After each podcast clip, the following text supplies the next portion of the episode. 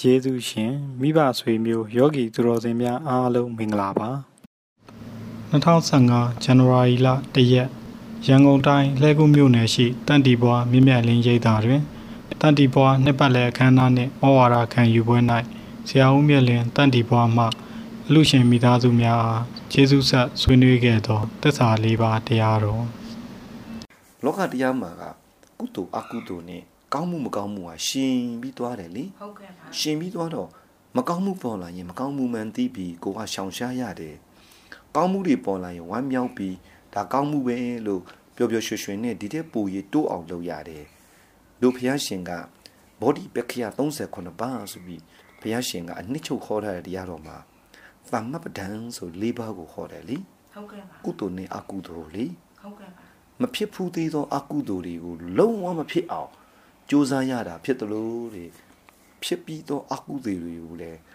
တသသနဲ့တတိယပြီးနောင်တရတာမျိုးမဖြစ်စေရအောင်အနောက်ရှစ်ဖြစ်တယ်လွယ်လေလေးပဲနော်ကဲသမီးလေးဆိုကြည့်ပါဦးမဖြစ်ဘူးသေးသောအကုသိုလ်အကုသိုလ်နှမျိုးပေါ့မဖြစ်ဘူးတာရှိတယ်ဖြစ်ပြီးတဲ့ဟာရှိတယ်မဖြစ်သေးတဲ့အကုသိုလ်ဆိုရင်လုံးဝမဖြစ်အောင်နောင်မဖြစ်အောင်ကြိုးစားရတယ်ဖြစ်ပြီးတဲ့အကုသိုလ်ကြတော့သင်ခန်းစာယူလိုက်ရတယ် တွားပြီးတတိယနေရင်ဒေါသဖြစ်တယ်ဟုတ်ကဲ့ပါရတယ်နော်မမိသွားပြီသမီးအကုသိုလ်နှမျိုးဒီလိုပဲကုသိုလ်လည်းဒီလိုပဲမဖြစ်သေးသောကုသိုလ်နဲ့ဖြစ်ပြီးသောကုသိုလ်မဖြစ်သေးသောကုသိုလ်မဖြစ်ဖြစ်လာအောင်အားထုတ်ရတယ်ဖြစ်ပြီးတဲ့ကုသိုလ်ကိုကြတော့ဒီထက်ပိုရေးပိုရေးတိုးအောင်ဆက်လက်ကြိုးစားရတယ်အဲ့တော့တမ္မပဒံ၄ပါးဆိုပြီးတော့နိဗ္ဗာန်ရောက်ကြောင်း အင်မတန်ရေးကြီးတယ်ဝရိယပေါ့စိုက်ထုတ်ခြင်းလူတနေ့အလိအလုံးလုံးနေတာဒီလိုလောက်တာပဲသမီးနဲ့ဖြစ်စေသားနဲ့ဖြစ်စေဟောကိုယ့်ရဲ့စီစိန်ကိုယ့်ရဲ့အတိုင်းဝိုင်းဆွေမျိုးကိုယ့်ရဲ့ပညာကအစကိုခန္ဓာကိုအလုံးပေါ့ဒီတော့မိမိလုံးဝမယ့်အလုပ်အလုံးတို့သည်ကုသိုလ်အဖူတို့အမြဲတွဲတယ်လို့အဲ့ဒါကိုတစ်ထက်ကြမှတ်ရမယ်နော်ခဏတွေးဆုံနေရတဲ့လူလောကမှာရှိတဲ့ဝင့်ကျင်ကလူသားအလုံးတို့သည်လည်း မကောင်းတဲ့လူလည်းတွေ့တာပဲကောင်းတဲ့လူလည်းတွေ့မှာပဲဒါရှင်းရှင်းလေးလူလည်းဒီတိုင်းပဲမကောင်းတဲ့လူကောင်းတဲ့လူတွေ့တယ်အจิตတရားတွေလည်းကောင်းတဲ့အကျင့်ရှိတယ်မကောင်းတဲ့အကျင့်ရှိတယ်အဲ့ဒါအလုံးတွေအပေါ်မှာကြည့်ပြီးအမှန်တရားကိုမျက်နှိုးဖို့သာအရေးကြီးတယ်လာပြီနော်ဇလန်းကဘာကိုပြောနေတာလဲဆိုရင်အမှန်တရားဒုမြာဖျားရှင်ကပေါ်ထောပေါ်တော်မူလာလားဘာလို့ပေါ်လဲအမှန်တရားကိုသိဖို့ ဒုဖျားရှင်ကလေးအသိချေကဘာတသိန်းတောင်ပါရမီဖြည့်ခဲ့ရတယ်ဒီတမန်ညူတဉာဏ်ကိုသိချင်လို့အဲ့ဒီဉာဏ်ရောက်ဖို့အသက်သွေးပေါင်းများစွာပေးခဲ့တယ်ဘဝပေါင်း948ဘဝ950နိဗ္ဗတ်တော်လို့ခေါ်တယ်လေတကယ်တော့948ဘဝလူဘဝကြီး358ဘဝတောင်ဖြည့်ခဲ့ပြီးဖယားအဖြစ်ကြံစီခဲ့တယ်ပေါ့အဲ့လိုကြံစီခဲ့တာအလုံး ဘာရဖို့လဲလို့မင်းရင်ဒီသစ္စာလေးပါးကိုသိဖို့ပြီးရင်သဗ္ဗညုတဉာဏ်ကြီးရချင်တာတို့တို့သစ္စာလေးပါးကအယံရေးကြီးတာပေါ့ဒါကြောင့်မို့ဒုတွေကယနေ့သစ္စာလေးပါးကိုဘယ်ဖုန်ကြီးမဆိုဘယ်ဆရာမဆိုဟောရင်အဲ့တော့လောလို့မရအောင်ဓမ္မစကြာတရားလဲဒါပဲဘယ်တရားကြည့်ကြည့်သစ္စာလေးပါးတရားပဲကဲဒါဆိုရင်တို့ သမီးတို့သမီးကြီးတို့သမီးငယ်တို့အကုန်လုံးလွယ်လွယ်လေးသိသွားအောင်ဘဘကလွယ်လွယ်လေးသင်ပေးလိုက်မယ်သစ္စာလေးပါးကဘာတော့သီးပဲဆိုင်ပွားအဲ့ဒါပဲသီးရမှာကဒုက္ခပယ်ရမှာကသမှုတရားဟောလွတ်လွတ်လေးသီးတာနဲ့ပယ်တာနဲ့တတွဲဒုက္ခကသီးရမယ်သမှုတရားကပယ်ရမှာဘာဖြစ်လို့လဲဆိုရင်ဒုက္ခသည်အကျိုးတရားဘာဖြစ်လို့ပေါ်တာလဲ သမှုတရားဆိုတဲ့အကြောင်းတရားကြောင့်ပေါ်တာမြန်မာလိုပြန်ပြောရင်ဒုက္ခဆိုတာဆင်းရဲတယ်ဘာဖြစ်လို့လဲဆိုရင်သမှုတရားဆိုတဲ့လူကျင်တာဆွဲလန်းတာမျက်နှိုးတာလွတ်လွယ်လေးပဲကြည်လူချင်လို့ပြုလို့ပြုလို့တော့ရရှိရရှိတော့ပင်ပန်းဆင်းရဲလူချင်တာဘယ်လိုတော့သမှုတရားရရှိတာကဒုက္ခယနေ့တို့တွေအဲ့ဒုက္ခပဲရတယ်ဒုက္ခကြီးအခုလူဖြစ်နေတာဒုက္ခဒုက္ခပဲနတ်မြမဖြစ်တဲ့ဒုက္ခ 30ပုံသားမှာရှိသမျှအလုံးတို့ဒီဒုက္ခဒုက္ခကြီးပဲဘာဖြစ်လို့ဒုက္ခဖြစ်တာတော့လူကျင်လို့လှုပ်ခဲ့လို့ပြုတ်ခဲ့တဲ့သင်္ခါရကြောင့်ပေါ့ဒုတိယသင်္ခါရတွေရုပ်ခဲ့တာအဲ့ဒီလှုပ်ခဲ့တဲ့သင်္ကာရလို့ပြောတော့ပြုပြင်စေးစောပြီးလူချင်းတို့ပြုလုပ်တာလေအဲ့ဒီသမုဒိယဆိုတဲ့ဒုက္ခဒုက္ခရခြင်းရဲ့အကြောင်းသမုဒိယဟာဒုက္ခဆိုတာကဆင်းရဲခြင်းရဲ့အကြောင်းအကျိုး နှစ်ခုလုံးပြောဒုက္ခဆိုတာဆင်းရဲခြင်းဆင်းရဲခြင်းကိုထမှန်၍အကြောင်းပြန်ခံရင်ဆင်းရဲခြင်းမရမှာပဲဒါကြောင့်မလို့ဒုတူတွေအားလုံးဒီအရင်မြစ်ကိုဘုရားကရှာပေးလိုက်တော့သမုဒိယဆိုနဲ့လိုချင်လို့ပြုလုပ်တယ်ပြုလုပ်တော့ရရှိတယ်ရရှိတော့ခံစားခံစားတော့ဆင်းရဲတဲ့စီစိမ်ပဲရရဟိုးမိသားစုတွေပဲရရနတ်ဘုံနတ်နန်းဓမ္မဘုံအလုံးဒုက္ခဒုက္ခဒါကြောင့်မို့လို့ ဤ30ပုံမှာကျင်လည်နေတဲ့တ attva အလုံးတို့သည်ဒုက္ခတွေကြီးပဲမျောနေတာလေလူဘုံကနေနတ်ပြီးသွားလဲနောက်နတ်ဒုက္ခပဲဗြဟ္မဒုက္ခပဲဘာဖြစ်လို့ဒီလိုဒုက္ခလို့ပြောလဲပြောရင်လူတွေကမသိဘူးမေ့လျော့နေကြဒီနေ့လူတွေကပတ်စံနဲ့ပြောစီစဉ်ရာထုအတိုင်းဝိုင်းနဲ့ပြောဒုက္ခအစစ်မှန်မသိဘူးဘုရားရှင်ကဒုက္ခအစစ်ကိုဓမ္မစကပဝရဏသုတ်ဆိုတဲ့နေရာမှာတဲ့ မချစ်မနစ်သင်းသူတွေပေါင်းသင်းနေထိုင်ရခြင်းတဲ့ပေါင်းအလွယ်မဲ့ရင်အပိယဟိပံပယောဂလို့ခေါ်တယ်ပါဠိလိုပေါင်းမချစ်တော့သူနဲ့ပေါင်းနေရတာဒုက္ခတဲ့တမီမချစ်တဲ့လူနဲ့ပေါင်းခိုင်းရင်တမီစိတ်ဆင်းရဲရမှာပေါ့နံပါတ်2ချစ်သူနဲ့ရှင်ကွဲစေကွဲကွေကွင်းရတဲ့ဒုက္ခချစ်တော့သူနဲ့ကွဲရတဲ့ဒုက္ခကွဲလို့မှန်ကိုယ် ပါဠိလိုကပိယေဟိဝိပယောကအသက်ရှင်တဲ့လူနဲ့ရံဖြစ်ပြီးကွဲမယ်သေသွားတဲ့လူချက်လက်လူတွေသေသွားရင်လည်းကွဲတယ်ဒါပေါင်းကွဲလို့လေလေနော်မချစ်သူနဲ့ပေါင်း၍ချစ်သူနဲ့ကွဲခြင်းပေါင်းကွဲနံပါတ်3လူလူဆိုတာကိုရတာမလိုလိုတာမရလို့လေလေနော်ရတာမလိုလိုတာမရပါဠိလိုက ယံပိဿံနလဗန္တိတံပိဒုက္ခံကဲသုံးလုံးရသွားပြီပေါင်းကွဲလို့နောက်ဆုံးလုံးကမှဘုရားရှင်ကအနစ်ကိုပေးလိုက်တယ်သံခိတ်တေနသံခိတ်တေနဆိုတာအချုပ်အဖြစ်ပြောရရင်ပင်စုပါဒာနဲ့ခန္ဓာဒုက္ခတဲ့အချုပ်ပြောရရင်ပင်စုပါဒာနဲ့ခန္ဓာဆိုတာအစွဲခန္ဓာ၅ပါးတို့သည်သာလျင် ဒုက္ခစေဒါဆိုသမီးရသွားပြီဒုက္ခစက်ကအပေါ်ကပြောတယ်ပေါင်းကွဲလို့ဆိုတာရက်ခွဲကပြောတဲ့စကားလေတကယ်အစစ်ကခန္ဓာ၅ပါးရနေတဲ့ဒုက္ခတာအစဲကြည့်တာသူသူသိသွားပြီဒုက္ခဆိုတာဘာလို့လဲခန္ဓာ၅ပါးခန္ဓာငါးပါးခန္ဓာ၅ပါးအကြောင်းဆရာမတွေတအားသိနေလေရူပေခန္ဓာဝိညာဉ်နဲ့ခန္ဓာသင်ညေခန္ဓာသင်္ခါရခန္ဓာဝိညာဉ်နဲ့ခန္ဓာဩ အဲ့တော့ကိုဘယ်လိုပြောလဲဆိုရင်ရူပေခန္ဓာကိုကြတော့ဖောက်ပြန်ခံစားမှတ်သားပြုပြင်သိဝိညာဉ်ဆိုအဲ့လိုသိမလားဖောက်ပြန်တာကရူပေခန္ဓာဖောက်ပြန်တာကရူပေခန္ဓာခံစားတာကဝိညာဉ်နဲ့မှတ်သားတာကသင်ညေပြုပြင်တာကသင်္ခါရဝိညာဉ်နဲ့ကသိဖောက်ပြန်ခံစားမှတ်သားပြုပြင်သိဝိညာဉ်ငါအင်ခန္ဓာမှတ်ဒီလိုသိနေလေကဲရပြီလို့လေးလေးပဲပြန်ကြည့်မယ်တို့ယနေ့ ခန္ဓာ၅ပါးရှိနေခြင်းအဲ့ဒီခန္ဓာ၅ပါးဆိုတဲ့အစွဲခန္ဓာသည်ဒုက္ခကြီးပဲလို့ဘုရားကအတိအကျဟောတယ်ယနေ့သမီးကိုခံစားနေရတာဒုက္ခံစားနေရတာအလုံးကဒုက္ခတွေဟာအဲ့ဒီ၅ပါးသောခန္ဓာကြောင့်လူတွေအလုံးကပုထုဇဏအုံမတ်တကောလို့ခေါ်တယ်ပုထုဇဉ်အလုံးတို့သည်အယူဒီဥစ္စာနဲ့ယူမယ်ပစ္စည်းနဲ့ယူတယ်စီးစိမ်နဲ့ယူရန်သူအာနာအဖိုင်းဝိုင်းနဲ့ယူကြတယ် အဲ့ဒီမှာကြည်ရအောင်ပဒါစာရီယူတာဘာကြောင့်ယူတယ်ဆွေမျိုးတွေပြည့်လို့ယူတာဟောတချို့ပစ္စည်းပျောက်သွားပြက်သွားရင်လည်းယူတာကဥစ္စာနဲ့ယူတာဤတို့မျိုးမျိုးယူတဲ့ချမ်းမှာကျမ်းမာရေးကြောင့်သဲချီပြစ်ပြီးယူတဲ့လူတွေရှိတယ်လူတိုင်းလူတိုင်းကအယူတစ်မျိုးစီယူကြတယ်အရိယာမဖြစ်သေးယူတာပဲအရိယာကြတော့အယူယောဂပျောက်တယ်လေမဖြစ်လို့လဲဆိုရင် तू ကအမှန်ကိုသိသွားလို့ဒါကြောင့်မလို့တို့က တို့သားတွေသမီးတွေကိုအမှန်ကိုသိသိစေခြင်းနဲ့ယနေ့သမီးကိုပြောလိုက်တာအမှန်နှလုံးပဲပြောသေးတယ်နော်သိပဲနှလုံးပဲပြောသေးတယ်သိရမှာကဒုက္ခပင်ရမှာကသမှုတွေဒီနှလုံးကပဲသစ္စာတရားဒါဆိုရင်နောက်ထပ်နှလုံးကြံတာပေါ့နောက်ထပ်နှလုံးကဆိုင်ပွားဆိုင်ရမာကနိယောဒာပွားရမာကမေဂာကဲနိယောဒသစ္စာ ဒုက္ခဆင်းရဲချုပ်ငြိမ်းခြင်းအမှန်မြတ်နိဗ္ဗာန်အဲ့တော့နိယောဒာလို့ခေါ်ပွားရမာကမေဂာမေဂဆိုတာကဒုက္ခဆင်းရဲချုပ်ငြိမ်းစေသောလမ်းလမ်းကိုမေဂလို့ခေါ်တယ်အဲ့တော့တို့သိသွားပြီဒါနိဗ္ဗာန်ရဲ့လမ်းရဲ့အကျိုးမြတ်မျက်မှောက်ပြုရာကနိဗ္ဗာန်ပွားရမှာကမေဂပြီးပြီစိုက်ပွားဆိုအဲ့ဒါပေါ့ဆိုင်ရမှာက နိယောဒပွားရမှာကမေဂယနေ့တို့ရရှိနေတာကဒုက္ခနဲ့သမုဒယအလုံးလုံးရမှာကမေဂသစ္စာဆိုင်မှာကနိယောဒလွယ်လွယ်လေးမဟုတ်လားသမီးငယ်လေး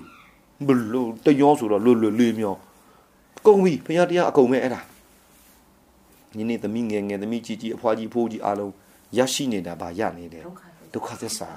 တမှုတရားနဲ့ဒုက္ခနဲ့တွဲပြီးဆင်းရဲလိုက်တာနှိမ့်စစ်တာခံနေရတို့တကယ်အလုပ်လုပ်တယ်အခုရိတ်တာမှာသွားလုပ်တယ်ဘာသွားလုပ်တာလဲမင်းမေဂသစ္စာပွားများရှုမှတ်ကြတယ်နော်မေဂရှိပါသောလမ်းနဲ့လေဘာတွေမျက်မှောက်ပြုမှာလဲဆိုရင်နိယောဒသစ္စာနိဗ္ဗာန်လိုချင်တယ်နိဗ္ဗာန်လို့ဘယ်လိုမျိုးလဲဆိုမနေ့ကပဲအကြာကြီးသိနေလေကိလေသာနဲ့ဝဒုက္ခဆင်းရဲပေါင်းချုပ်ငင်းခြင်းကြောင့်မိမိတန်တန်တွင် ဖြစ်ပေါ်လာသောအငြိမ့်တက်မိမိတန်တန်မှာဖြစ်တယ်သူများခန္ဓာမှာမဟုတ်ဘူးဒီခုနကပြောတယ်ငါအင်ခန္ဓာဆိုတဲ့ပင်စပင်ပင်ငါမျိုးသောခန္ဓာပင်စုပါဒာနဲ့ခန္ဓာပင်စဆိုတာငါမျိုးဥပါဒာနဲ့ခန္ဓာအစွဲခန္ဓာပေါင်းလိုက်တော့ပင်စုပါဒာနဲ့ခန္ဓာလို့ခေါ်တယ်ဒီခန္ဓာငါးပါးမှာဖြစ်ပေါ်နေတာအာလုံးတို့သည်ဒုက္ခကြီးဒီဒုက္ခကြီးကိုပဲဒီခန္ဓာမှာကို တန်တန်လို့ခေါ်တဲ့ခန္ဓာအစဉ်ပါပဲအစွဲတွေအကုန်ဖြုတ်ပြီးအငိမ့်ဓာတ်ကိုမျက်မှောက်ပြုအောင်လုပ်တာဟာနိဗ္ဗာန်ဓာတ်မိမိရဲ့တန်တန်မှာရရှိသွားတာပဲတဲ့မိမိရဲ့ခန္ဓာမှာရအတိပ္ပယ်ကဒီလက်မှာညစ်ပတ်နေတယ်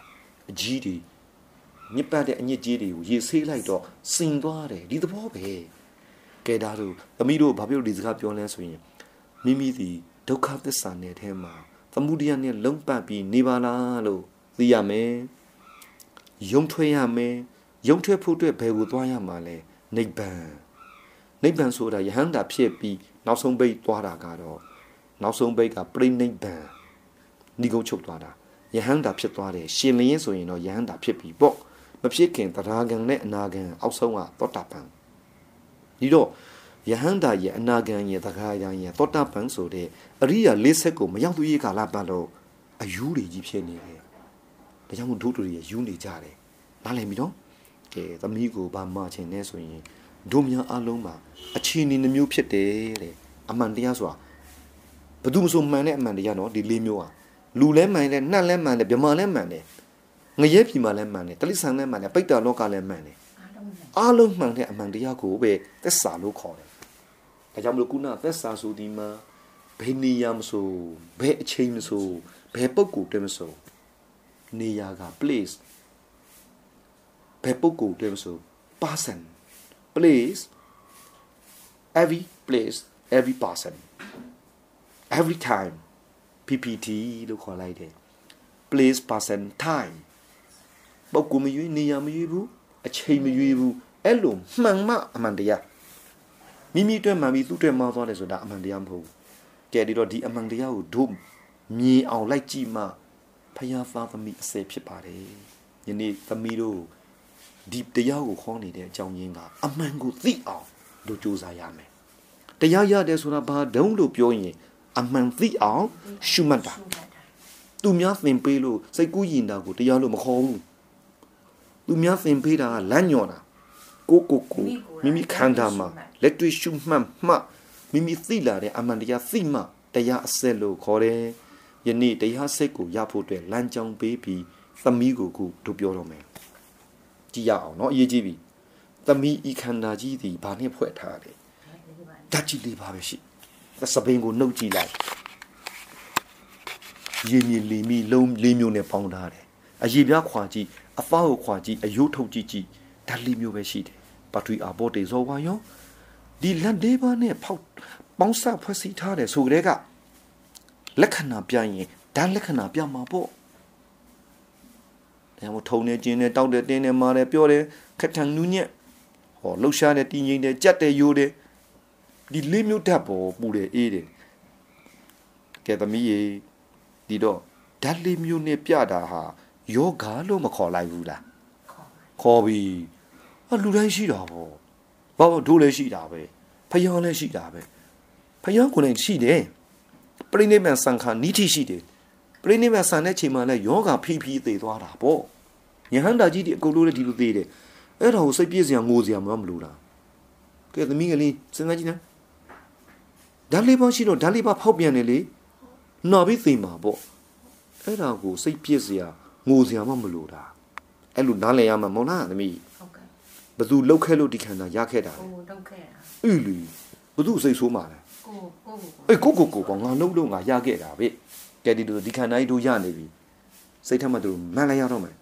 ဖြူရနေတဲ့ခန္ဓာမှာနေတိုင်းဖောက်ပြန်ပြတာပဲတချို့ရည်တွေကြတော့ဓာတ်ကသိမဖောက်ပြန်တော့ကြမ်းမာနေတယ်တချို့ရည်တွေကြတော့နည်းနည်းဖောက်ပြန်လိုက်တော့ဓာတ်ကနည်းနည်းဆိုးလာတော့ဟာနှိမ့်စစ်ပြီပြောပြီးပြီတွေဒုက္ခခန္ဓာကြီးပဲစတဲ့ဟာနှိမ့်စစ်မှာဘောသမီးရဲ့ကဲဒီတော့ကလွတ်လွတ်လေးပဲ အဲသမီးကဒါလေးကျေးဇူးပြုခဲ့ခြင်းလို့ဆိုရင်ကိုသမီးအရင်မို့လို့တဲ့တဲ့ပြောနေတာတဲ့တဲ့အခုပြောတော့မယ်သမီးကိုပြောဖို့တဲ့စကားကိုရှေ့ကခင်းလိုက်တာယနေ့ဗုဒ္ဓသာသနာဝင် သာသမီအလုံးတို့သည်ဘာကိုမျက်နှိုးရမှလဲမေးရင်အမှန်တရားအမှန်တရားပဲရှိမယ်တို့မှာပုဂ္ဂိုလ်မပါတော့အဖွဲ့အစည်းမပါတော့တို့အမြဲပြောတဲ့စကားခလီလေးစကြားတယ်မို့လားဘာအမြဲပြောတယ်ပုဂ္ဂိုလ်ကိုမကြည့်ရဘူးအဖွဲ့ကိုလည်းမကြည့်ရအောင် ဘာကိုပဲကြည့်ရမယ်အမှန်တရားကိုမျက်နှိုးရမယ်အမှန်တရားကိုဒါမှမဟုတ်အပြောင်းပြန်ပြောရင်မကောင်းတဲ့တရားကိုလှုပ်တာဟာပုဂ္ဂိုလ်ကလှုပ်တာဒါပေမဲ့မုန်းရင်လူတွေကပုဂ္ဂိုလ်သွားမုန်းတယ်ပုဂ္ဂိုလ်မမုန်းရဘူးလှုပ်တဲ့အကျစ်ကိုသာနေမုန်းရတယ်အချင်းမကောင်းအကျစ်မကောင်းလို့ဒီအကျစ်ကိုပဲတို့ကပယ်ရရင်ပုဂ္ဂိုလ်ကကောင်းသွားတယ်ကောင်းပါခုနလက်တစ်ဖက်ညစ်ပတ်နေသလိုပဲညစ်ပတ်နေတာဟာလက်မဟုတ်ဘူး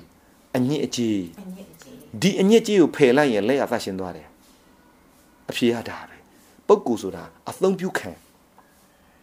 နော်မကောင်းတဲ့အကျစ်ကသာအဓိကရပြီနော်သမီးတွေဟုတ်ကဲ့ပါဒါကြောင့်မို့လို့အခုဒုမြဥတီချစ်သည်သစ္စာတရားပဲအဲ့ဒါကြောင့်မို့လို့ခုနသစ္စာ၄ပါးကိုပြောပြီးဘယ်သူ့အတွက်မျိုးဆိုဘယ်နေရာဘယ်အချိန်မဆိုမှန်မှသစ္စာလို့ခေါ်တယ်ကဲအဲ့တော့သိသွားပြီဆိုရင်အခုသမိခန္ဓာကိုညံနဲ့လဲ့ပြီးကြည့်သမိခန္ဓာကြီးသည် ဘာနဲ့ပေါင်းထားတာလဲဒါလေးပါမယ်ဩမိမိခန္ဓာလောက်ပဲလားမိမိသမီးလဲဒါလေးပါပဲမိမိအမေအဖေနတ်မြမာလဲဒါပဲအာလုံးသောတတ္တဝါတို့တို့ဤအာလုံးတို့သည်ဓာတ်လေးပါပဲသူဓာတ်လေးပါရှိတော့ဘုရားရှင်လည်းဓာတ်လေးပါပဲဓာတ်လေးပါကြောင့်ဓာတ်တစ်ခုခုဖောက်လာရင်ယောဂဖြစ်တာပဲအဲ့ဒါကိုဘာလို့ခေါ်လဲဆိုရင်ဓာတ်တို့ဤမညီမျှခြင်းတဲ့နံပါတ်1ကဘာလဲညတူမင်းညည ဓာတ်မညီမျှဓာတ်ဖောက်ပြန်လို့လူတွေယောဂဖြစ်တာဟာဆမ်းမမဆမ်းတာပဲရပြီတဲ့နံပါတ်2ပြင်ပပယောဂကြောင့်ဖြစ်သောယောဂဘာဖြစ်တယ်လဲပြင်ပယောဂကြောင့်ဖြစ်တော်ယောဂကဲနမူနာပြပြင်ပယောဂပြင်ပပယောဂဆိုတာဥမာသမီးကိုလူတစ်ယောက်ကသနတ်နဲ့ပြစ်သားလိုက်တယ်အဲ့ဒါဘယ်လိုလဲပြင်ပပယောဂပြင်ပရဲ့လွှမ်းမိုးခြင်းဒါမှမဟုတ်ရင်သမီးဒီသမီးကိုလူတစ်ယောက်ကနေပြီးတော့ဥ မာဓာတ်နဲ့ခုတ်သားလိုက်တယ်စသဖြင့်အပြင်ကနေပြီးလွှမ်းမိုးခြင်းဒါမှမဟုတ်ရင်သမီးကိုပရလောကတရေသစီစုံဘုံကိုယ်အဲ့ဒီပုံကိုယ်တွေကလာရောက်ဝင်ပူးတယ်အဲ့ဒါပါလေပြင်ပပယောဂမိမိရဲ့ဓာတ်နဲ့မဆိုင်တော့ဘူးမိမိရဲ့ဓာတ်ကကြတော့နှလုံးယောဂဖြစ်မယ်အဆုပ်ယောဂဖြစ်မယ်သင်္ချေယောဂဖြစ်မယ်အစာအိမ်ယောဂဟောဝမ်းရှောဝမ်းနောင်ဖျားယောဂ ဒါဒီကုံတော့ဓာတ်ဖောက်ပြန်တာအတွင်းယောဂလို့ခေါ်တယ်ဟိုဟာကြတော့အပြင်ယောဂအပြင်ကလွမ်းမိုးခြင်းပြင်ပပယောဂလို့ခေါ်တယ်နှစ်မျိုးပဲရှိတယ်ယောဂဖြစ်တာရှင်းပြီနော်သမီးအဲ့လိုဆိုရင်ယောဂတစ်ခုဖြစ်တိုင်းကိုသုံးသပ်တဲ့အခါမှာကိုမြင်တာကိုထင်တာကိုပဲကိုကဆုံးဖြတ်တယ်တကယ်တော့ကိုညံမီတလောက်ပဲဆုံးဖြတ်တာကိုအဲ့ဒီယောဂကိုဘ ᱹ တော့ပြရင်သိတယ်သူဆရာဝန်တော့ပြရင်ဆရာဝန်ကကိုယ့်ရဲ့ဓာတ်ဖောက်ပြန်မှုသိတယ်သူက ဟိုလေဟိုလေရိုက်မယ် X-ray တွေရိုက်မယ် ECG တွေဆွဲမယ်နှကြက်တွေစမ်းမယ်ဟာသွေးဖောက်မယ်အဲ့ဒါတွေဘာလုပ်တာအတွင်းယောဂါကိုဆက်တာဒါကဆရာဝေါ်ကအတွင်းပယောဂအပင်ယူကြတော့သမာဓိအားကောင်းတဲ့သိက္ခာရှိတဲ့ပုဂ္ဂိုလ်တွေကသိတယ်တဲ့ဟုတ်ပြီနော်သမီးအဲ့တော့အထင်လန်းဆရာတို့ဆေးဆရာတို့အပြင်ပယောဂဆရာတို့သူတို့ကနားလေတယ်တို့ကတော့ ဝိပဿနာနဲ့ပတ်သက်တဲ့ဆောင်ရွက်သည့်အတွက်ပယောဂဆရာမဟုတ်ပေမဲ့လေဒီလိုမျိုးမကြောမလော့ပုံကိုယ်တွေနဲ့တကွအပြင်ကပုံကိုယ်တွေရဲ့လွှမ်းမိုးခြင်းဖြစ်ပေါ်လာရင်တို့မှာအာယုံတစ်ခုခုပေါ်တတ်တယ်။ဒါကြောင့်မလို့သမီးကိုမာကျင်နာကအပြင်ယောဂာနဲ့အတွင်းယောဂာနှမျိုးတို့စီလူတိုင်းလိုလိုရှိပါတယ်။လွယ်လည်လေးနော်ဟုတ်ကဲ့အတွင်းယောဂါကတော့ပြောစရာမလိုဘူးဆေးရုံမှာသွားကြည့်ပုံနေတယ်အပြင်ယောဂါက လူတိုင်းလိုလိုအခါအားလျော်စွာဖြစ်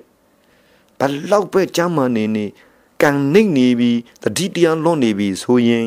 ကိုနဲ့ပဋ္ဌာန်းဆက်ရှိသောအထိတ်ဘဝဆက်ဆက်ကပုံကိုယ်တွေပေါ်လာပြီဆိုရင်ကိုယ်ကိုလာလာပြီးတီးကြတယ်ပူးကြတယ်ကြောင်းတိုက်ဆိုင်ရင်ဝင်လာကြတယ်အဲ့ဒါတွေကိုမတိုက်ဆိုင်တဲ့အတွက်လူတွေကမသိတာရှိရှိခါနှုံးကဆိုရင်ရွာတွေမှာဆိုအများကြီးစုံဖုတ်ကွေးတွေဆိုပုံနေတာပဲအခုနောက်ပိုင်းမှာမြို့ပေါ်မှာရှားလာတယ် ဘာဖြစ်လို့ရှားသွားလဲဆိုတာလဲဖုန်ကြီးတွေရဲ့စွမ်းအားတွေပါပါတယ်ဖုန်ကြီးတွေကကမွန်ဟာဖတ်ကြတယ်ကြားဖူးမှာပေါ့တခါတည်းဖယားရှင်ရဲ့တရားတော်တွေနဲ့ခါနှင်ထုတ်မောင်းထုတ်မျိုးမျိုးလုတ်ခဲ့ရကနောက်ပိုင်းကျတော့မြို့ပေါ်မှာနဲသွားတယ်ဒါပေမဲ့ယနေ့ချိန်ထိဒိုးကတော့ကမွန်ဟာဖတ်တင်လူတွေကိုနှင်ထုတ်ခြင်းရိုက်ထုတ်ခြင်းဆိုတဲ့ဒေါသကိုတို့မကြိုက်ဘူးတို့ကမေတ္တာနဲ့ပဲသက်စာဆိုပြီးအလုံးကိုငြိမ်းချမ်းစေခြင်းပါတယ် ဒါကြောင့်မလို့သမီးကိုအခုတို့တက်တဲ့ပြောတော့မယ်နှမျိုးသောယောဂါတို့တွင်တစ်အတွင်းကဓာတ်လေတို့ဤပစ္စည်းချင်းကြောင့်ဖြစ်တဲ့ယောဂါကဆရာဝန်နဲ့တိုင်ပင်ပြီးကုရတယ်အပြင်ရလာတဲ့ပယောဂကြတော့မေတ္တာနဲ့သစ္စာနဲ့လွှမ်းမိုးပြီးကုရတယ်อืมအဲ့ဒါကိုသမီးပြောပြမယ်နော်စိတ်ထက်မှဒုံဒုံချလိုက်ဘာဖြစ်လို့လဲဆိုရင်ပရလောကသားဆိုတာဟာ သူတို့မှာအင်မတန်ချွတ်တက်ရှာတယ်ဘာကြောင့်လူတွေကိုလာလာပြီးလှုပ်တယ်ဆိုရင်စားစရာမရှိဟိုစားစရာမရှိဆိုတာထမင်းစားဖို့ပြောတာမဟုတ်ဘူးနော်သူတို့စားတာဟာဘာစားတာလဲအမျှညက်ကုသိုလ်ကောင်းမှုတွေကိုတအားလူချင်တာလူချင်တော့လူတွေကလည်းသူတို့ကိုညှော့ပြီးပေးဖို့ကိုမေ့နေကြအဲ့တော့မမေ့အောင်လာပြတာဖယားရှင်ခက်တုံးကလည်းပဲဟိုဘယင်ကြီးတခါတဲ့နန်းတွဲမှာကောသလမင်းကြီးဟာပြေးလွှမ်းနေကြတာဒါကဘာပေါင်း60တုံးက ဆွေမျိုးတွေသူတို့မေတ္တာမှမပူမအမျှမှမပေးတာဖယားရှင်ကတကူးတကအလူလောက်ခိုင်းပြီးအမျှပေးမှသူတို့တွေကြော့ကုန်ကြတာအဲသမီးကိုလည်းမချင်တာသမီးတယောက်တည်းမဟုတ်ပါဘူးလူတိုင်းရှိတယ်လိုက်တာပဲအနောက်ကအဲ့တော့လူတွေကသိုင်တို့အဆဲတို့ပြောကြပါတယ်ဒါချစ်လို့လိုက်တာနောက်တစ်ခုလိုက်တာကကြတော့မုံလို့လိုက်တာမုံလို့ရန်ညိုးနဲ့အာဂါဒနဲ့လိုက်တာလည်းရှိဘယ်လိုနည်းသောအကြောင်းကြောင့်ဖြစ်ပါစေ ချစ်တာပဲဖြစ်ဖြစ်မုံတာပဲဖြစ်ဖြစ်တိတ်ခါရှိတဲ့ပုံကိုယ်တွေကနေပြီးမေတ္တာရက်ခံပြီးအမျှပေးပြီးဆိုရင်ဒီလူတွေမလွတ်ရဲတော့ဘူးစီတားတယ်လို့ခေါ်တာပေါ့သမီးရဲ့ခွေးတကောင်ကြိုက်ဖို့လာတယ်သူ့ကိုလောင်အိမ်ထက်ထက်လိုက်ရင်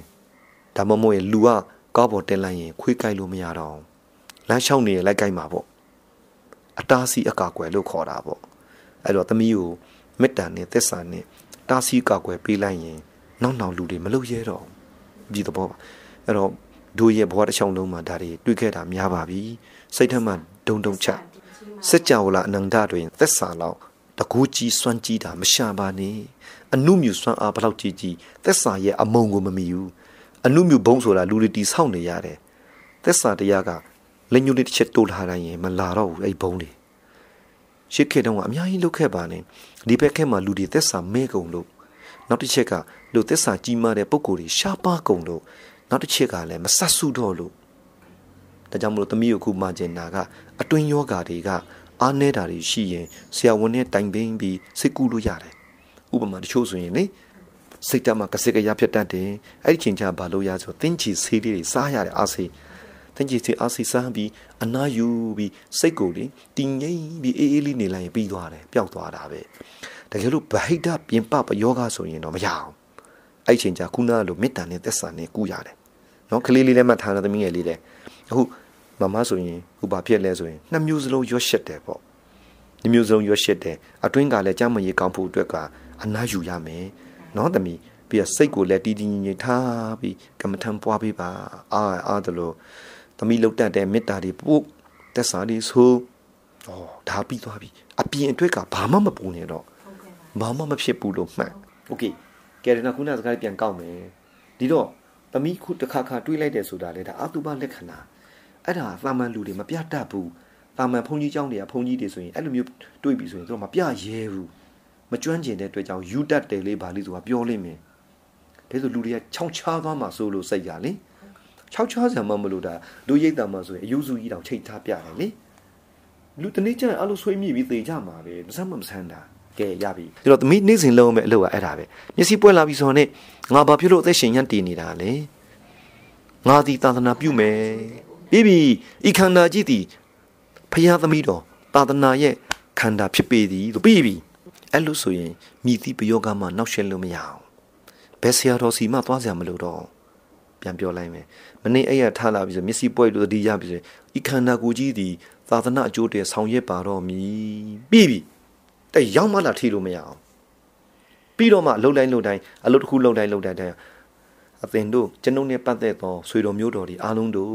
ကျွန်ုပ်လှုပ်ခဲ့သမျှကုသိုလ်အားလုံးအသင်တို့လည်းရကြပါစေဒါမြန်မာလူပေးလိုက်တဲ့အမြအမြအမြအမြဆိုတာပါဠိလိုဗမာလိုကကျွန်ုပ်ကောင်းတာလုပ်လို့အသင်တို့အားလုံးလည်းလုပ်နိုင်ကြပါစေအဲ့ဒါအမြပဲပါဠိလိုပတ္တိဒါနာလို့ခေါ်တယ်နော်သမီးဒါဆိုရင်သမီးမှာဘာရသွားပြီသံကောချာတွေရတယ် ဘယ်ခွေးကမှလာကြိုက်လို့မရအောင်ပြန်ပြောမယ်နော်အရာထလာတာနဲ့ဤခန္ဓာကိုယ်ကြီးသည်ဖယားရဲ့သမီးတော်ဖြစ်ပေသည်စိတ်ကညှောလိုက်တာနဲ့ဤခန္ဓာကြီးကိုဘယ်သူမှလာထီလို့မရတော့ပြီးတော့မှကျွန်ုပ်ပြုနေသောကောင်းမှုကုသိုလ်အလုံးတို့သည်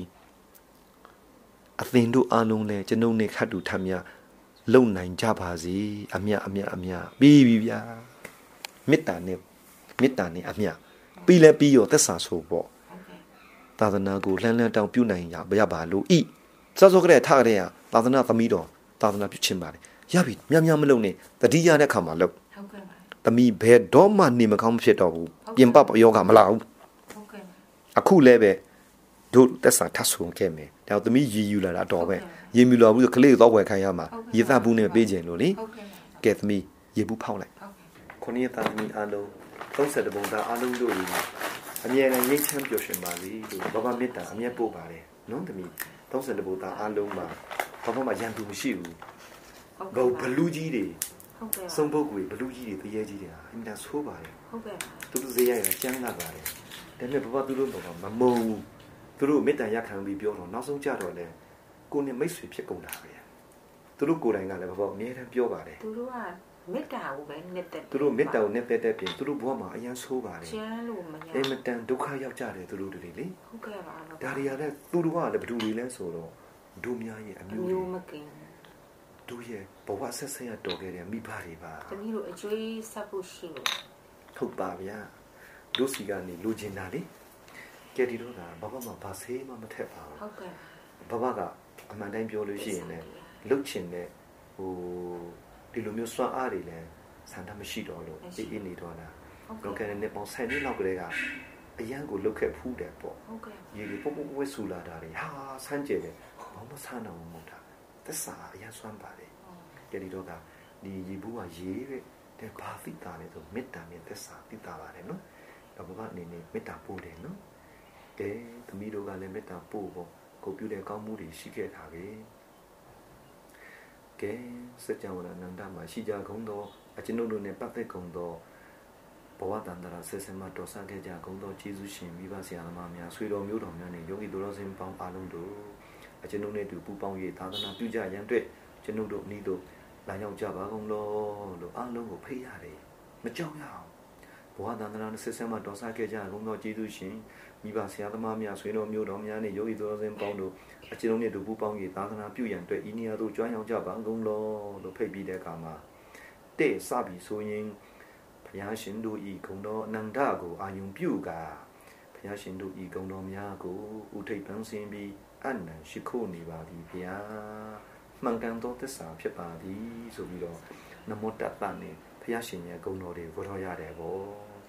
နမောတတ္တဗဂဝတောအနာတောသမ္မာသမ္ဗုဒ္ဓတ္တနုဒတ္တဗဂဝတောအနာတောသမ္မာသမ္ဗုဒ္ဓတ္တနမောတတ္တဗဂဝတောအနာတောသမ္မာသမ္ဗုဒ္ဓတ္တဘုရားရှင်ရဲ့ဂုဏ်တော်တွေဥထိပ်ပြင်ပေါ်ပန်းစင်းပြီးအနန္တစัจ java လာတတ်တော်များအလုံးတို့အားနှလုံးသားဖြင့်မေတ္တာဓာတ်တွေပို့လို့ကြရအောင်တဲ့အဲ့တော့အတူပဲပို့ပေါ့နော် အနန္တစัจ java လာနန္ဒသတ္တဝါတို့ဆိုအဲ့ဒါမချိန်မှာဟိုးစัจ java လာနန္ဒမှာရှိတဲ့လူနဲ့မြမသတ္တဝါအလုံးတလိษံနဲ့ငရဲဝိညာဉ်လောကပကြအကုန်လုံးသောပုဂ္ဂိုလ်များအလုံးတို့သည်ဘေးရန်ခတ်သိမ်းကင်းကြပါစေဆင်းရဲခတ်သိမ်းကင်းကြပါစေဒေါသခတ်သိမ်းငြိမ်းကြပါစေနှလုံးစိတ်ဝမ်းအေးချမ်းကြပါစေအဲအချိန်မောင်းများစွာတတိယတိုင်းအမြဲတမ်းစัจ java လာနန္ဒမှာရှိတဲ့တတ္တဝါများအလုံး ဘေးရန်ကင်းကြစေဖို့ကိုယ်စင်ရင်စိတ်စင်ရင်ကင်းပြီးဒေါသခတ်သိမ်းငြိမ်းပြီးတော့ကိုယ်စိတ်နှပြချမ်းသာစွာဖြင့်မိမိတို့ရဲ့ခန္ဓာဘောကိုကောင်းစွာဆောင်ရွက်နိုင်ကြပါစေလို့မေတ္တာပို့လိုက်တော့မေတ္တာဓာတ်တွေဒီကျွန်ုပ်တို့ဤလက်ပေါ်တွင်တိတ်တိပြင်းမြောက်ပါစေတည်းဤသို့ပင်တွင်ကျွန်ုပ်တို့ဤကံထားသောရေများအလုံးတို့သည်လည်းတိတ်တိပြင်းမြောက်ပါစေတည်းဆိုရင်မေတ္တာရေဖြစ်သွားပါလေရောတဲ့နော်အဲ့တော့မေတ္တာရေဖြစ်ပြီးတဲ့အခါမှာသက်စာတိုင်တယ်ဖို့က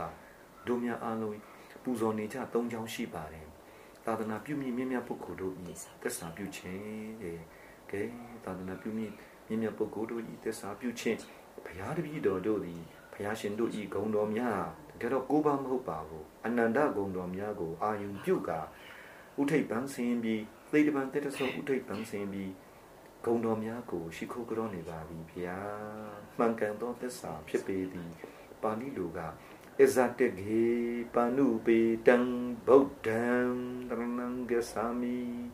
အကျွန်ုပ်ဒီသေတပံတက်ဆောင်ဘုရားရှင်ကြီးဂုံတော်များကိုဥထိပ်ပန်းဆင်းအနံရှိခိုးနေပါပြီဗျာမှန်ကန်သောသစ္စာဖြစ်ပါသည်တဲ့နံပါတ်1သစ္စာဘုရားတပည့်တော်တို့သည်ထေရဝါဒဗုဒ္ဓသာသနာတော်ဤအကျိုးအတွက်ကိုတာမင်တစိမ့်တည်းထားပြီးထာဝရဆောင်ရွက်ပါမည်မှန်ကန်သောသစ္စာဖြစ်ပါသည် အဇတေကေပါနုပေတံဓမ္မံ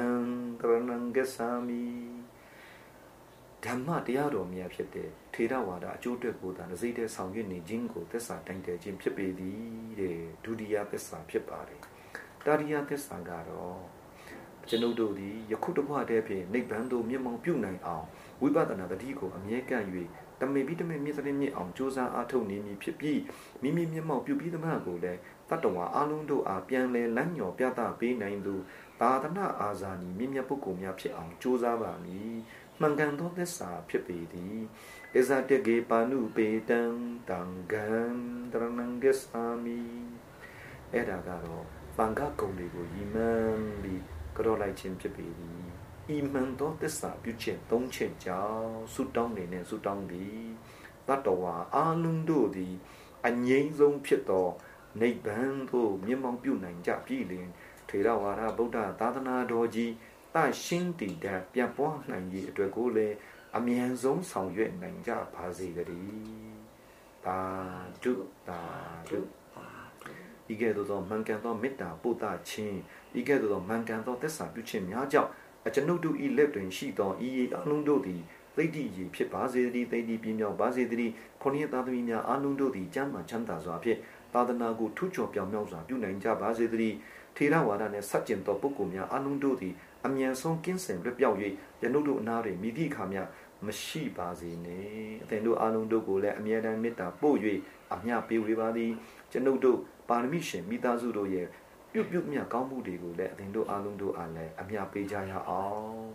ကုသိုလ်ပြုခဲ့ပါရမီရှင်မိသားစုတို့သည်ဘဝဆက်ဆက်မှပြုခဲ့ပြီးသောကုသိုလ်များ ယခုဘဝပြုခဲ့ပြီးသောကုသိုလ်များနှင့်ပြုလုပ်နေစေကုသိုလ်ဝဝတွေကိုလည်းမိဘဆရာညာတကာနှင့်ဒုထုဆောင်ကျက်နာပေါင်းတို့မှစ၍30ဘုံကျင်လေကြကုန်သောဆွေတော်မျိုးတော်ပေါင်းတို့အားအကျွန်ုပ်တို့ပါရမီရှင်မိသားစုတို့ရဲ့ကုသိုလ်အဝဝတွေကိုအာလုံးညီတူညီမျှရကြရအောင် ကိုရောစိတ်ပါဝမ်းမြောက်စွာဖြင့်အမြပေးဝေလိုက်ပါသည်အမြအမြအမြယူတော်မူကြပါကုန်သောအရိယာပေါင်းသူတော်ကောင်းပေါင်းတို့ရဲ့ပို့တာသောမေတ္တာဘေးဝေသောအမြကိုလည်းအကျွန်ုပ်တို့ကဝမ်းမြောက်ဝမ်းသာနှင့်သာဓုသာဓုသာဓုဤကဲ့သို့ကျွန်ုပ်တို့မိသားစုများမှာပို့တာသောမေတ္တာ ဆူလိုက်သောသစ္စာတရားတို့နှင့်တကွာမှန်ကန်သောသစ္စာတရားနှင့်တကွာကျွန်ုပ်တို့ရဲ့ကုသိုလ်ကောင်းမှုဘဝဘဝ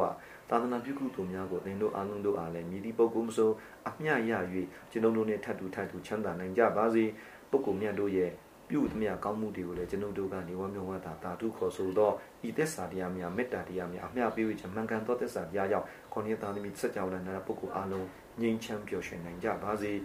ထေရဝါဒဘုရားရှင်သာသနာနဲ့ဆက်ကျင်သောပုဂ္ဂိုလ်များအားလုံးကျွန်ုပ်တို့နဲ့ကင်းစင်လွတ်ပြောင်းနိုင်ပါစေတည်းကဲရပြီသူတို့ကိုတို့ကဘာမှဒုက္ခမပေးဘူးကိုယ့်ဘာသာကိုစီတားတာပဲ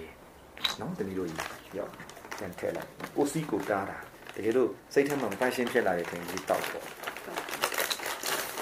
အဲ့တော့တမီးကိုဘာမှကုမာလိုက်မယ်တမီးကိုအမွေပေးလိုက်မယ်နော်လောကမှာသူများထက်ထက်ရောက်ခြင်းနဲ့အောင်မြင်ခြင်းရင်တတိရှိရမယ် ဖယားရှင်ကဒီတလုံးနဲ့ခေါ်တာထိတ်တိတ်ခြင်းနဲ့လူမှန်သမျှဟာတတိအားကောင်းရမယ်နိဗ္ဗာန်ထိနောက်ဆုံးတတိတလုံးနဲ့နိဗ္ဗာန်ကိုမြင်မောက်ပြုသွားတာတတိမရှိရင်သေပြီတဲ့အပမဒောအမတန်ပဒံအဲတမိတလက်ဆောင်ပေးလိုက်အောင်နော်ကဲတော့ခင်ချုံမြဆိုတဲ့ဘဘသမီးရပြီဘာမှမပူနေတော့ကောင်းကောင်းသွားပြီသူ့သူရေးကြည့်တယ်ခရီးတွေလက်ဆောင်ပေးလိုက်မယ်တမိကရေတုတ်သွားရအမိုက်လေးတွေယူ အပမဒောအမတန်ပဒံတဲ့အပမဒောဆိုတာမမိချင်းဒီအမတန်ဆိုတာသေခြင်းမသေးခြင်းပေါ့အမတန်မသေးခြင်းပဒံဆိုတာအကြောင်းသမီးကြားဘူးတယ်မလားတော့ခင်ကျွန်းမြတ်ကြားဘူးပါအပမဒောအမတန်ပဒံဆိုကြည့်ပါဦးပမာတော့အမတန်အပမဒောဆိုတာမမိချင်းတည်အမတန်ဆိုတာမသေးဘူးအမတန် ပဒံဆိုတာအကြောင်းတူတူပြောရင်မမေ့လျင်မသေးဆိုပါဦးမမေ့လျင်မသိပြီးပြီတော့ပဲပါဠိလိုကအပမဒောအမတန်ပဒံဆိုပါဦးအပမတအမအမတန်ပဒံပြဆိုအပမတအမတပဒအေးပြီပြီမြန်မာလိုပြောရင်တလုံးချင်းပြန်ရင်အပမဒောဆိုတာမမေ့ချင်းအမတန်ဆိုတာမသေးဘူးပဒံဆိုတာအကြောင်းစီလျော်အောင်ပြန်တော့ မမေ့လျင်မသေးပြီးရောလို့လို့လေးပြောင်းပြန်ပြန်ပြောမယ်ပမာဒောမစ္ဆုနောပဒံပမနောမဆုနောပမာဒောဆိုတာမေ့ချင်းပြီမစ္ဆုနောဆိုတာသေချင်းပဒံဆိုတာအကြောင်းမေ့လျင်သေးရောမေမေ့လျင်သိပြီးပြီပြောင်းပြန်ပြောတော့မမေ့လျင်မသေးမေ့လျင်သေးပြန်ပြောမမေ့လျင်မသေး မေ့လျင်ဦးဒီကြောင့်မှသွားပါဠိလိုမသိကိစ္စမရှိဘူးမမေ့ရင်မသေးမေ့ရင်သေးမမေယမမေယမတိမေယတိခဲလို့လားကဘာဘာနေနောက်တစ်ခါတွေ့ရင်လည်းဒါမှပြန်မေ့ရနော်နှုတ်ကြည့်ရအောင်ကျွန်တော်နော်ဘာဖြစ်လို့လဲဆိုရင်လော်ကီထက်မှသမီးသွားလာနေတဲ့အချိန်မှာလည်းအမြဲတမ်းတွေ့တယ်အဲ့ဒါမမေ့ရင်မသေးဘူးမတော်ဆမေ့သွားတာနဲ့အန်ဒီရီအများကြီးပဲမမေ့ဘူးဆိုရင်သမီးဘာမှဖြစ်ဘူးအန်ဒီရီမရှိဘူးလောကုတ်တလာမှာလည်းနိဗ္ဗာန်လိုချင်ရင်မမေ့ရအောင် အခုတရားဗတိတလုံးပဲနားသမီးလားသမီးလက်ဆောင်ပေးရမယ်နော်လူတွေနဲ့အကုန်လုံးဟောထိတ်ဖြောသွားခြင်းမမေ့နဲ့မမေ့ဘူးဆိုတာနဲ့သမီးဘဝတိုးတက်နေတယ်အရာရာမှာလူတွေရဲ့အရှိကြီးရောက်ဒါအပြင်နိဗ္ဗာန်လိုချင်ရင်လည်းမမေ့ရအောင်ဘုရားရှင်ကနေ့တိုင်းခြေစစ်ရင်းမှာဆုံးပါတယ်ပရိနိဗ္ဗာန်ဆံခါနေ့ဒီနောက်ဆုံးပိတ်မှာလဲအပပါဒီနာတမ္မာဒီအပမဒေနာတမ္ပါဒေထာ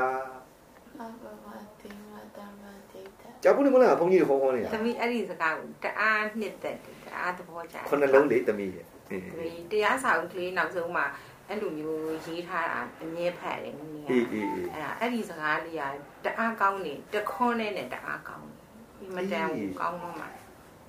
တလုံးလေးဆိုပြီးမြတ်သူကခဏခုနှစ်ချက်ပြောသွားတယ်လေဘာဘာတို့ဟိုတနည်းကချောင်းစာချောင်းတစ်ချောင်းတစ်ချောင်းနဲ့ဘာပါစာကြောင်းတစ်ကြောင်းတည်းအထိပ္ပယ်ခုနှစ်လုံးရှိတယ်အားလုံးပြည့်စုံလို့ပြီးဆုံးတာပေါ့နိဗ္ဗာန်ထိတိုင်နိ ကဲလိုက်ဆိုမိကုတ်ချုံးမယ်သမီးတို့ကသွားကြရရှိဘာဘာအဲ့ဖယ်ရောက်နေတယ်ခုနအနောက်မရောက်နေခုနှစ်လုံးလိုက်ဆိုလိုက်အပမဒောအမတံပဒံပမာထောအမစံပဒံပမာဒောမေစုနောပဒံပနာပမာထောမစ္ဆုနောပဒံရပြီပါဠိလိုအဓိပ္ပာယ်မြန်မာလိုရပါတယ်မသေးမမေ့လျင်မသေးမေ့လျင်သေးမမေယမတိမေယပြီးပြီဒါလိုလေလေးဒါပေမဲ့အပမဒေနသံပါဒေထဆိုတဲ့စကားကကြတော့ ခုနှစ်မျိုးအဓိပ္ပာယ်ရှိပါတယ်တဲ့လိုက်ကြည့်နော်ခုနှစ်မျိုးဘာရေးပြမယ်တမီးတို့လိုက်လိမ့်လိမ့်ထားမယ်မမေ့မလျောမမေ့မလျောမပေါ့ဆသောမပေါ့ဆသောဝိပဿနာသတိတရားတို့ဖြင့်ဝိပဿနာတတိတရားတို့ဖြင့်နေရတကာနေရတကာ၌၌သီလသမာဓိပညာသိက္ခာသုံးပါးတို့အားသီလသမာဓိပညာသိက္ခာသုံးပါးတို့ငါချက်ရပါပြီနော်ပြီးပြည့်စုံအောင်ပြီးပြည့်စုံအောင်ကြိုးစားအားထုတ်ကြကြိုးစားအားထုတ်ကြပြီးပြီခုနှစ်ခုလုံးနှစ်ပဲချက် အဲ့ဒါတရားတစ်ပုဒ်ပဲကြိုးစားဖခင်နေ့တိုင်းဟောတယ်အရေးကြီးလို့လားမကြီးလို့လားဟောတာနေ့တိုင်းနောက်ဆုံးပြိနိဗ္ဗာန်ဆိုင်ရင်လည်းဒီတရားပဲဟောတယ်ပြန်ဆိုမယ်ကြည့် မမေ့မလျော့မမေ့မလျော့မပေါ်ဆသောပေါ်ဆသောဝိပဿနာတတိတရားတို့ဖြင့်ဝိပဿနာတတိတရားတို့ဖြင့်နေရာတကာ၌နေရာတကာ၌သီလသမာဓိပညာသိက္ခာသုံးပါးတို့အားသီလသမာဓိပညာသိက္ခာသုံးပါးတို့အားပြည့်ပြည့်စုံအောင်ပြည့်ပြည့်စုံအောင်ကြိုးစားအားထုတ်ကြကြိုးစားအားထုတ်ကြပါအမိသားပြီနော်ဟုတ်ကဲ့ကဲကဲကဲသမီးတို့ဒီမမေ့မြော့မပေါ်ဆာနေဝိပဿနာတတိတရားကိုဘယ်ချိန်မှမဆိုလေဟိုတရားထိုင်မှမဟုတ်ပါဘူး စောင်းဝနေရဲ့အိမ်ထောင်ရေးစီးပွားရေးလူမှုရေးဘယ်ချိန်မှဖြစ်အိမ်သာတင်းနေတဲ့ချိန်ပဲဖြစ်ဖြစ်မမေ့ဘဲနဲ့နေရင်တရားရပါမယ်ခေါင်းထဲမှာတတိအမြဲကတ်ထားအဲ့ဒါပဲဘလောက်ကောင်းတဲ့တတိသာရှိနေဘသူကမှနောက်ရှက်လို့မရဘူးဘာမှပြီးတဲ့တက်ဆောင်ကအင်မတန်တန်မိုးဖြတ်လို့မရဘူးလေးလေးနက်နက်ထားပြီးမှန်နော်ညံကောင်းခြင်းဘာဖြစ်ရမလဲတတိအဲတော်လိုက်တာကျင့်ရမယ်နော်ကျင့်နော်တတိအဲ့ကဲကဲသွားရအောင်နော် ကြည့်ကြည့်အောက်မှာမထိုင်တော့ဘူးရိုက်ခံရတော့မဟုတ်ဘူးကဲတို့အောက်တို့လေကဲကဲကဲငါအောင်အောင်ထိုင်ပါမရဘူးတပြေးတည်းနေရမယ်တို့ရဟန်းဖြစ်လို့ရှိရင်လည်းတပြေးတည်းနေရမယ်ကဲသမီးတို့ကပထမအချိန်မြောက်ဂုံကိုကတော့တယ်ဟုတ်တယ်မလားဂုံတောင်းအပ်ခြင်းခရောတာအေးဂုံကကြတော့ဘဘရဲ့ဒီခန္ဓာကိုယ်ကြီးကတော့တာမဟုတ်ဘူးဘဘရဲ့သိက္ခာ၃ပါးဂုံကတော့ခြင်းဒုတိယကတောင်းပန်နေဆိုဘဝတန်တရာဆဲဆဲဒီခုချိန်ဒီဝတ်ကြွေးနေတဲ့အပြစ်တွေအပြစ်များတောင်းပန်ခြင်းတာရိယကအနန္တနဲ့ဆိုတာဘုရားရှင် ဒီနေရာဒီချိန်လေးဆိုသွန်သင်ဆုံးမပေးပါရဲ့အနံပေါ်ပါရဲ့ပါကဲတာဒုတာဒုတာဒုကဲအပြန်လန်အဖြစ်ဒုသမီးတွေရဲ့မိသားစုတွေလည်းသာသနာ့မြတ်နိုးသည့်အတွက်သာသနာ့ကိုစားပြန်လဲပြီးဂုဏ်ပြုအပ်ပါတယ်ဒုတိယအနေဖြင့်ဘဝတန္တရာဆက်ဆင်းယခုချိန်ထိဝကြွေးများနဲ့အပြည့်များကို ဘောဘာနဲ့တကွာရှိသမျှပုဂ္ဂိုလ်များများအားလုံးကိုတောင်းပန်တယ်တယောက်တည်းဖြောတာမဟုတ်ဘူးနော်အနောက်မှာပုဂ္ဂိုလ်တွေအများကြီးရှိတယ်အဲ့ဒီပုဂ္ဂိုလ်များအားလုံးရဲ့ကိုစားဒုသမီးမိသားစုတစုလုံးတွေရှိနေသမျှတော့ဝကြွေးများနဲ့အပြည့်ဒီအားလုံးအကျွင်းမဲ့ခွက်လွတ်တယ်တဲ့ဗျာကဲလုံးကြီးချမ်းသာခွဲရပြီ ဤသို့ပင်အပြန်လန်အဖြစ်ဘာဘာနဲ့တကွာပုဂ္ဂိုလ်များများအားလုံးကလည်းဒုသမီးမိသားစုအပေါ်တွင်တန္တရာဆက်ဆက်နေယခုချိန်ထိဝကြွေးနေအပြည့်တွေကိုကျူးလွန်မိခဲ့တာရှိခဲ့ရင်သမီးတို့ကလည်းကြည်အေးပေးခွက်လွတ်ပေးပါအေးအပြန်အလှန်ခွတ်လွတ်တဲ့အတွက်ပါရှင်းစင်ကြပါပြီနောက်ဆုံးတတိယအနေနဲ့အနန္တိအတွက်ဖျားရှင်ဒေသနာကိုက်ကိုစကားလုံးတစ်လုံးနဲ့ခုနကပြောတဲ့အတိုင်းပြန်လည်ပြီးပြောရရင် အပမဒေနတံပါဒေထာမမိတ်မလျော့မပေါ့ဆသောဝိပဿနာတိတရားတို့ဖြင့်နေရတကာ၌သီလသမာဓိပညာသိက္ခာသုံးပါးတို့အားပြည့်ပြည့်စုံအောင်ကြိုးစားအားထုတ်ကြပါဘယ်နေရာမှာဆိုသွားသတိလာသတိနေသတိထိုင်သတိပေါက်သတိယူသတိစားသတိဘာလှုပ်လှုပ်တတိလေကမ်းပြီးဆောင်ရွက်နေရင်ဒုသားသမီးများတို့သည်ယခုမြေမောက်တဘွားနဲ့ပင်မြတ်နိဗ္ဗာန်သို့မျက်မှောက်ပြုလွယ်နိုင်ပြီး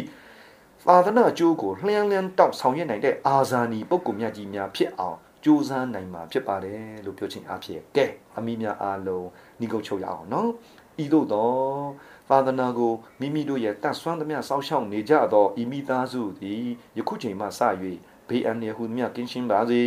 ကြံတိုင်းအောင်ပြီးဆောင်တဲ့မြောက်၍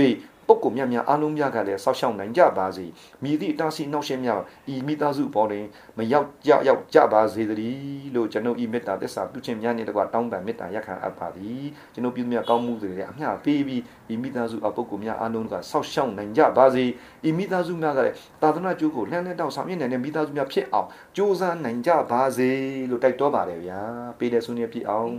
ဒီအောင်ကြိုးစားအားထုတ်နိုင်လို့ပုဂ္ဂိုလ်များဖြစ်ရပါလို့ အမြန်ဆုံးကြိုးစားလို့ပြည့်စုံနိုင်ပါစေဗျာတာဒုတာဒုကဲကဲမဘာလို့သမီးတို့လူရကီပါကြတော့နော်